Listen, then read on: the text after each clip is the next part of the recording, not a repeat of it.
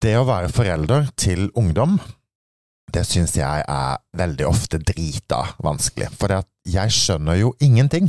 Og da er det jo rart å se at ungdommen skjønner alt. Så derfor i dag så har vi tatt inn eh, nydelige Tone som vår gjest i dag. Tone jobber jo med ungdom eh, hver eneste dag, og det er egentlig ganske mange smarte tanker den dama har.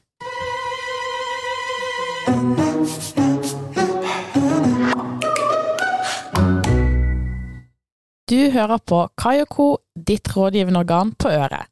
Med Kai, hele Norges life coach, meg, Silje, programleder og prøvekanin, og Kent, hele Norges personlige trener og den mest analytiske av oss. Velkommen til deg, Tone. Tusen takk. Tenkte å ta en liten sånn presentasjon av deg. Du er mamma til to, og du jobber frivillig på Kafé Kudos, som du har gjort i tre og et halvt år. Og så kan, tenkte jeg du kan jo begynne med å bare forklare hva er Kafé Kudos? Kafé Kudos det er et møtested i sentrum for ungdom fra 13 til 20. Vi har også en kafé som er åpen for alle, hele Kristiansand. Det er første etasjen. Kjelleren vår den er kun for ungdom, der det alltid er trygge voksne til stede for å hjelpe dem med det de måtte ønske, eller for å bare si hei til dem når de kommer ned trappa. Jeg er jo ofte innom Kafé Kudos, ja. og egentlig det jeg gleder meg mest til når jeg kommer dit, det er jo deg. jeg syns at du har en bare sånn nydelig vesen, og en spade er en spade. Og så ser jeg jo at du har jo, en, du har jo et håndlag med disse ungdommene som i hvert fall i mine øyne er ganske unikt. For det er noe med at du, du møter de på deres premisser. Og det som jeg syns da som en forelder er veldig vanskelig, er jo det der at en, en skal på en måte være påkobla, men samtidig bli avvist. For det er jo det som er naturlig når man er en ungdom. Så skal en jo ja, forme sin egen identitet og sine egne meninger og gjøre sin egen greie, og da er det jo naturlig at da har man et behov for å avvise. Men samtidig så trenger man jo òg trygge voksne som kommer inn og gir det litt. Åssen takler du ungdom, når du er, du er oppe i ungdommer eh, daglig? Jeg takler de vel egentlig ganske naturlig. Noen ganger så, jo, så er det jo fake it till you make it. Mens andre ganger så kommer det veldig lett til meg. Jeg velger å bruke ordet repetere. For jeg ser de på nytt hver gang jeg ser de. Jeg lar meg ikke farge av media. Jeg lar meg ikke farge av hvem de er sammen med, eller hva, hvordan de går kledd. Jeg tar de for den de er, møter de med åpne armer. Det er ikke alltid at de åpner armene tilbake til meg, men da sier jeg bare ok, fint å se deg, åssen har dagen din vært? Så du tar ikke den avvisningen personlig, da? Ikke i det hele tatt. Nei. Mennesker har møtt meg òg med armer uten at jeg har lyst til å gi en klem. Og det handler om å noen ganger spørre får jeg lov å gi deg en klem. Ja, For det er jo ikke alltid en klarer å uttale det sjøl, egentlig, hva som er behovet, da. Men du er jo altså oppe i ungdom som er eh, For vi har jo en litt sånn krenka kultur, mm. og veldig mange er deprimerte, og det er angst, og det er sosiale medier som bombarderer oss med noen idealer som ikke er helt mulig å eh, nå opp til. Absolutt. Åssen har ungdom det? Eh, da må vi først spørre hvem er det som spør hvordan de har det. For jeg tenker det at eh, min lykke er ikke den samme som Kai sin lykke. Kai kan fortelle meg noe som har gjort han kjempelykkelig, og så kan jeg sitte og lure på hva er så spesielt med det. Så jeg tenker at lykke må defineres. Ungdom kan ha det greit hvis de får lov å sitte i fred og game. De kan også ha det veldig greit hvis de får lov å være med i familieselskap, men det er individuelt fra person til person. Jeg opplever glede på min måte, og du opplever glede på din måte. Og da er det veldig stort og grandiost å si at alle ungdom er deprimerte. Hvem er det som har spurt? Er det kamerater som spør? Hvis jeg spør deg, Kai, åssen har du det? Har du det bra? Eller hvis jeg spør deg, åssen har du det egentlig? Ja, den er jo uh, litt mer åpen for tolv... Altså, ja, da sier man jo mer, og da blir mer reell. Da, åpner, da inviterer jeg til en dialog med mm. deg. Og da må man jo nødvendigvis ta imot. Hvis man har lyst. Samtidig så kan jeg stille deg et ledende spørsmål og si hei, har du det bra? Og da vil du høre på hele tonefallet mitt og se på kroppsspråket mitt at jeg forventer et positivt svar. Så vi kan lede ungdom til å si det vi ønsker å høre, hvis ikke vi er trygge nok i oss sjøl til å ta imot det vi får. Og det er der det kommer det veldig viktige når du møter ungdom og unge voksne. For jeg velger å skille de fra de på 13 og de på 17 det er ungdom, og så er det unge voksne. hvis du velger å spørre dem hvordan de har det, hvordan de egentlig har det, da må du også vite med deg sjøl 100% at du kan ta deg tid til å høre på svaret. Hvis de ønsker å svare, så kan det ta sin tid, for hvis de blir gitt en scene og en mikrofon, så kan de ha en tendens til å prate mye. Også, og det har de behov for, men så har de også behov for å bli regulert. Det er ikke alt vi skal snakke veldig lenge og veldig høyt om. Og det er ikke alt jeg har kompetanse til å ta imot. Hvorfor tror du folk åpner seg til deg, da? Jeg tror det handler om at jeg er ikke redd for de svarene jeg får. Jeg lar meg ikke sjokkere. Jeg lar meg ikke blåse av banen av en slåsskamp eller eventuelt knivstikking eller et bussran. Jeg hører på hva de sier, og inni meg så må jeg nok trekke pusten og telle til fem baklengs et par ganger. Men jeg gidder ikke å blåse dette opp til en sånn wow-effekt. For da, da, da lar jeg ikke ungdommen kjenne på det han har formidla. Hvis jeg forholder meg rolig, så signaliserer jeg en rolig holdning til denne ungdommen også, som gjør at han føler en trygghet, der vi kan gå inn og diskutere hva han just har sagt til meg. Jeg kan si det hørtes veldig skremmende ut, men hva gjorde at du handla på den måten du gjorde? Hvorfor slo du? Eller hvorfor trakk du kniven? Var det noe du kunne gjort annerledes? Kunne du ha tenkt deg om? Kunne du ha forlatt situasjonen? Var det andre triggere rundt deg som gjorde at du følte du måtte? Eller gjorde du dette av egen fri vilje som du hadde tenkt gjennom? Og da får du veldig mange blikk som går ned, for som regel så er jo ikke dette gjennomtenkte handlinger. Dette er impulsivitet på sitt beste, og som regel i en slåsskamp, eller et basketak, eller en konfrontasjon, så er det jo ikke nødvendigvis noe som skjer der og da. Det er jo ofte noe gammelt som kommer opp, noe ubearbeida, og det er der vi må tenke at vi må snakke med dem. Vi må ikke si 'du er nok høysensitiv', eller 'du er nok litt deprimert for tida'. Det er årstida. Det er veldig mange som er det nå. Altså, vi, vi stigmatiserer og setter ungdommene våre i bokser for så å flytte dem når det passer oss voksne. Vi tenker ikke på er ungdommen klar nå til å bli flytta. Altså, vi kan også gi dem mer ansvar enn de er voksne for å ta. Men alle 15-åringer spiller fotball, da må du òg det. Ja, men jeg vil ikke. Nei, det er jo alltid noe med det. Og da gjør vi ungdommene våre til et sånn et En sånn liten flis i fingeren som ikke du får tak i, men du kjenner den av og til. Den der når du har vært ute og luka i rosebuskene, så er det sånn 'Å, shit, jeg har noe som irriterer meg der, men jeg får ikke tak i det'. Altså, jeg har en ungdom i huset, men jeg får ikke helt tak i han. Men tror du foreldre er mindre til stede nå enn det er tidligere? Ja. På hvilken måte da? Eh, følelsesmessig mindre til stede, men fysisk veldig til stede. Det er snakk om å kjøre og hente og bringe og ordne opp og fikse eventuelle problemer som de unge håpefulle har kommet opp i. Vi hadde jo annet en situasjon for et par måneder siden på rutebilstasjonen. Der var det et basketak med noen jenter og noe slåssing, hvor han som jobber på Narvesen, da tilkaller politiet. Og politiet kommer og ordner opp. Neste dag så får denne ansatte på Narvesen besøk av far til en av disse jentene og blir skjelt ut. Det er de skyld at min datters navn er registrert hos politiet. Det er de skyld at vi ikke får oppdratt dattera vår sånn som vi skal.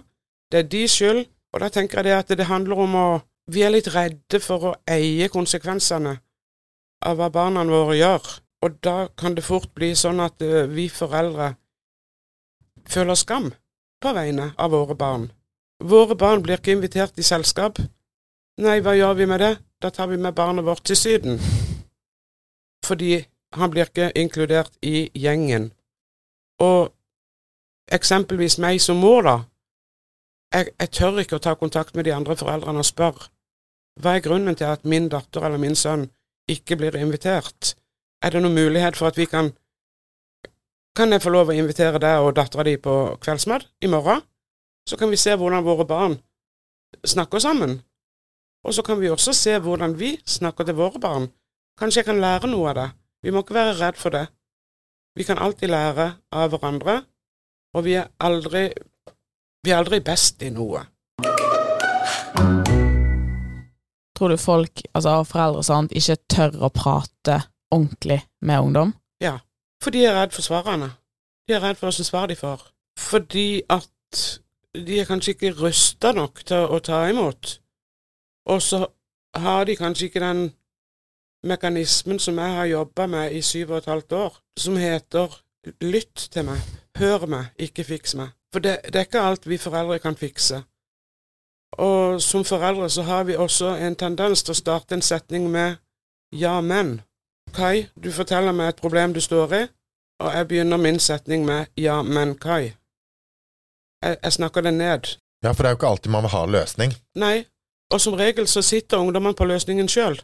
De trenger bare å lufte problemstillinger. Og hvis du da klarer å forholde deg rolig, og gi den den tida det tar å høre på ungdommen, ditt eget barn, eller en nabo, eller en elev, eller en gjest på Gudos Hvis jeg bare gir han tid og oppmerksomhet, så sitter han med løsningen sjøl. Men det er jo klart, altså sånn i din arbeidshverdag så står jo du òg mye i avvisning. Absolutt. Åssen og, og det er jo det jeg kjenner som forelder, da. Så er jo Den er jo kjip å bli Veldig. avvist. Veldig kjip. Men hvordan Hva er din eh, strategi for å ikke la den gå inn i deg sjøl? For at hadde du gått på jobb eh, daglig og kjent på at 'å nei, jeg er ikke god nok', for, og de vil ikke Altså, så hadde det vært kjempekjipt. Men jeg tror du Hva, hva er ditt mindset på, på avvisning?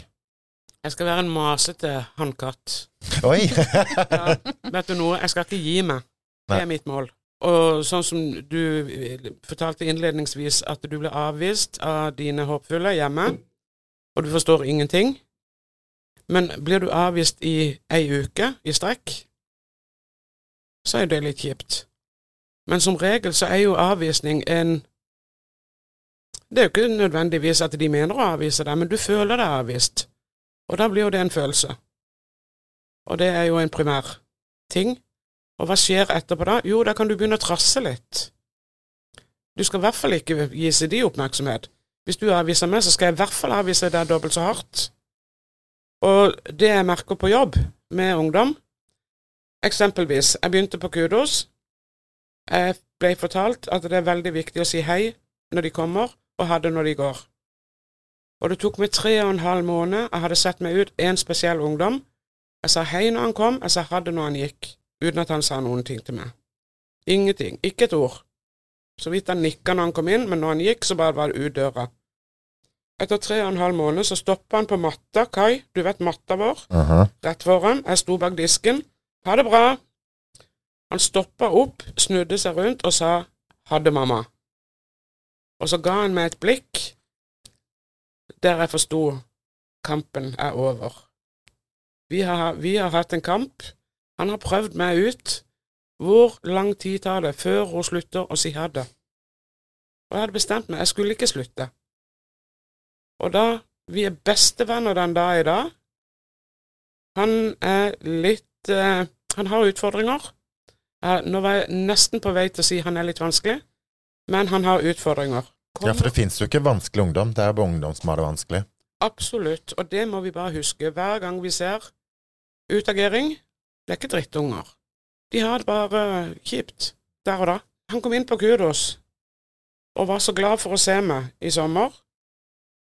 Og jeg skjønte ikke helt eh, begeistringa, for jeg ble så overraska når jeg så han, for da hadde ikke jeg sett han på over et, over et seks måneder.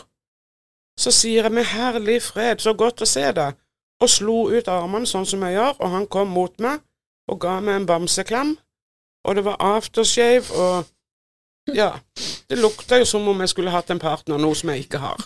Men vi skal ikke la det handle om det. Der spør jeg han hvor har du vært? Da han hadde vært på ferie. Men så lurte han på hvor jeg hadde vært. Så sier han jeg har hatt ferie. Ja, for han hadde hatt permisjon i forrige uke og vært inne og leid etter meg, og han fant meg ikke.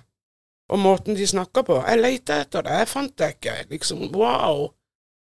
Så sier han nei, men jeg hadde ferie. Hvor, men hvor har du vært? Nei, han hadde òg vært på norgesferie. Å, sier jeg, hvor da? Nei, han hadde vært i Froland, og han hadde vært i Mandal, og han hadde vært på Åna. Og da slo jeg jo ut armene en gang til og smilte godt til han, og han smilte til meg. Og så klemte vi, og så sier jeg, men du, nå skal du ikke på flere ferier. Nei, han sverga. Han sverga på det. Han skulle ikke på ferie mer. Og nå er det igjen veldig lenge siden jeg har sett han. Jeg vet ikke om han er på ferie, men jeg gleder meg til han kommer inn på kudos igjen. Og da vet jeg det at med den dialogen og det kroppsspråket vi to har, så forstår vi hverandre veldig, veldig godt, og så vet jeg at han er ikke redd for å fortelle meg hvis han har eventuelt vært på norgesferie igjen. Når du når inn til dem, da, på en Absolutt. litt annen måte Ja. enn uh, resten. Ja, jeg har han i mitt hjerte, og så tror jeg han har meg i sitt hjerte, uten at vi har definert det på noen måte. Høres jo litt sånn ut, da. Det vil jeg si.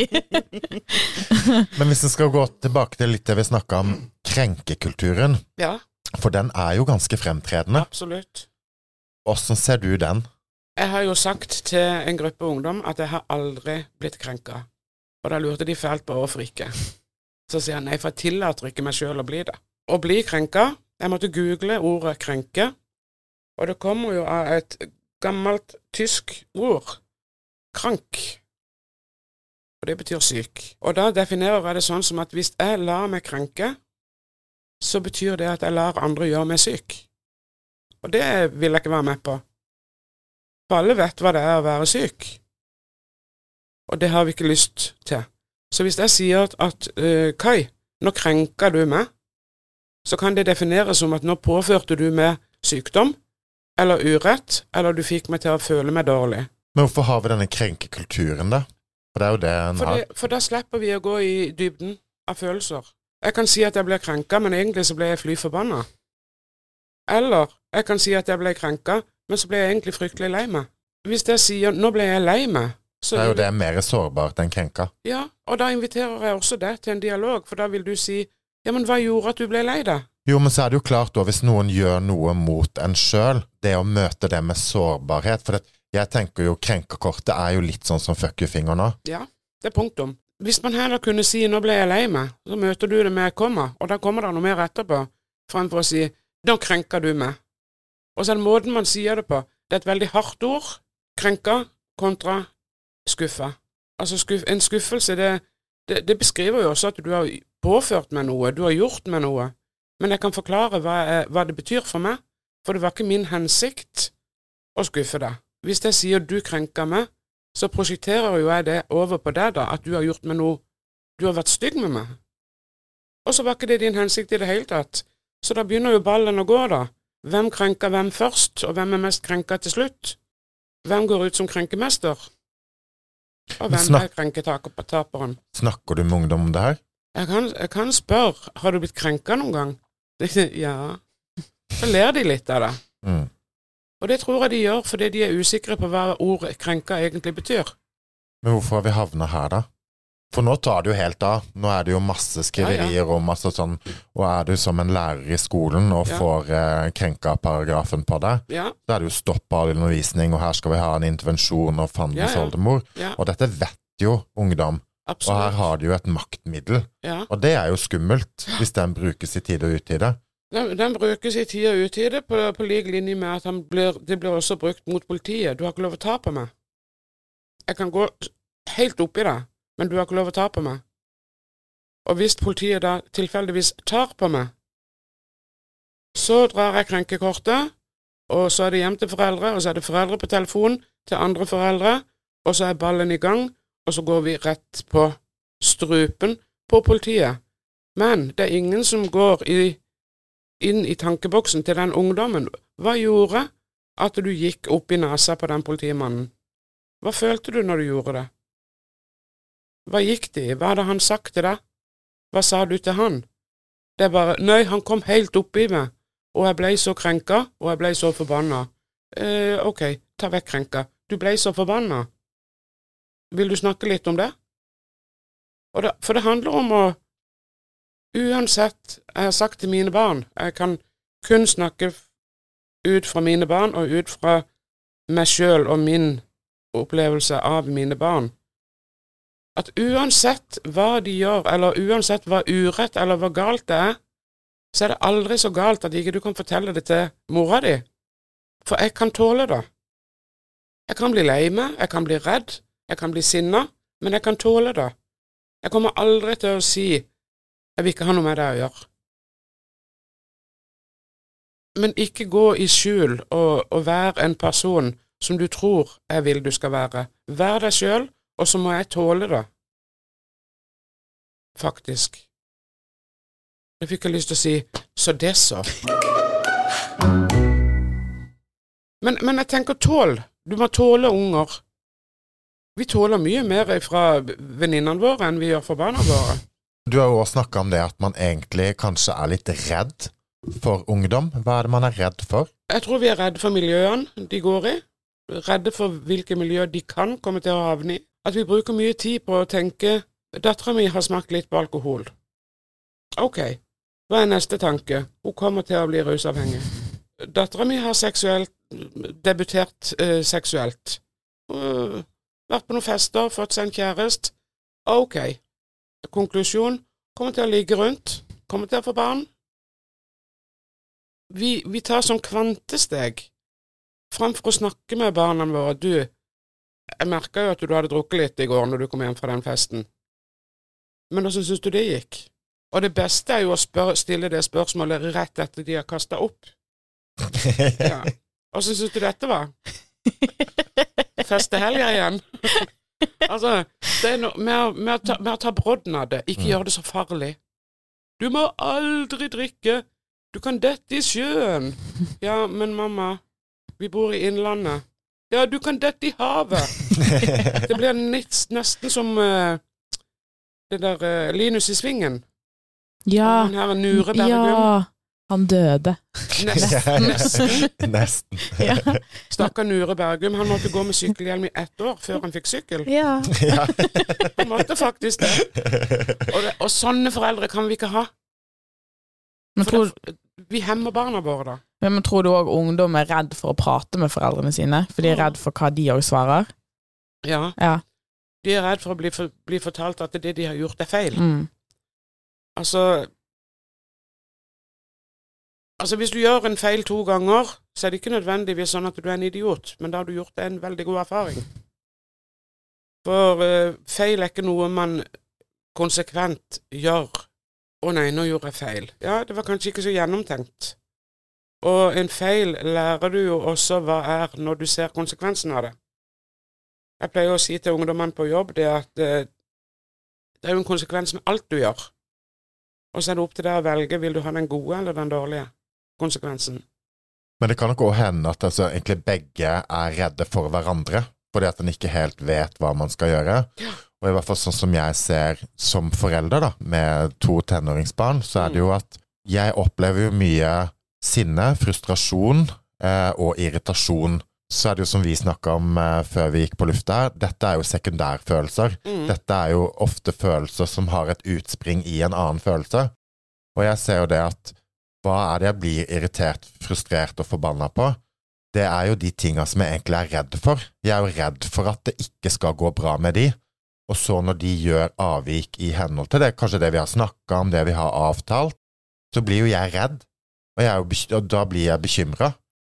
Mens det å da ha en kommunikasjonsform som eh, tar utgangspunkt i de følelsene, som er da de primærfølelsene, og det som egentlig er det reelle, så får man en helt annen kommunikasjon. Absolutt. Og jeg ser jo det der at når, når jeg kommer ut i, i irritasjon, forbanna og sinne, så er det jo nøyaktig det du får tilbake. Mens heller møter de fra de litt mer sårbare følelsene, så har du jo en inngang i det, men det er jo mm. superskummelt. Og jeg merker jo at den, den avvisninga, så kan man liksom bare Nei, det er bare hormoner, og det er ungdommer Men jeg, altså, jeg syns den er kjip. Absolutt. Virkelig. Um, jeg merka Jeg lærte òg det at eh, med hun yngste dattera mi, da Jeg måtte, framfor det, som du sier, møte de i, din, i de sine følelser. Jeg, måtte mø, jeg måtte møte hun i mine følelser. Det som gjorde noe med meg, måtte jeg formidle til hun for at hun skulle forstå min reaksjon. Jeg er ikke sinna på deg fordi du har drukket, men jeg er sinna fordi at jeg kjenner på en bekymring, hva som kan skje med deg når du drikker, eller når ikke du tar siste buss hjem. Da blir jeg, da blir jeg redd. Hun tenker ikke på hva som kan skje, for hun er jo litt sånn happy go lucky og alt går greit, og mamma har sikkert lagt seg. Og det hadde jeg, før jeg ble rusfri, for å si det sånn, da. Og hun sa det jo rett til meg en gang. Det var mye bedre før, mamma. Mye bedre før. Mye bedre før når du drakk og sånn. Når de ikke var bekymra. da kunne hun gjøre som hun ville. Men Ja. hun sa det rett ut, for da kunne jeg gjøre som jeg ville. Mm. Da brydde, da brydde du deg ikke. Og akkurat å få høre den fra barnet sitt, da brydde du deg ikke.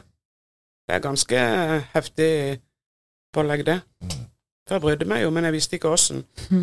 Og det tror jeg vi kan se hos mange ungdom. De bryr seg veldig om hverandre, men de vet ikke hvordan. De går i kamp for det, men de vet ikke helt hvordan de skal ikke gå i kamp. Å støtte noen verbalt med støttende ord er ti ganger vanskeligere enn å sende av gårde en knyttneve. Eller en SMS, eller et dickpic, eller hva det er de sender. Jeg vet ikke. Jeg skjønner det ikke. Men du er også her inne som en rådgiver. For okay. vi er jo et uh, rådgivende organ. Og det jeg tenker, vi har jo snakka om ungdom og kommunikasjon med ungdom. Men egentlig viktigst av alt er jo at vi har snakka altså, om kommunikasjon. Åssen kan vi få kommunikasjon til å gå litt uh, lettere? For jeg vil jo bare igjen, altså Min observasjon av deg er at du er så åpen og ærlig, og du er så autentisk og genuin.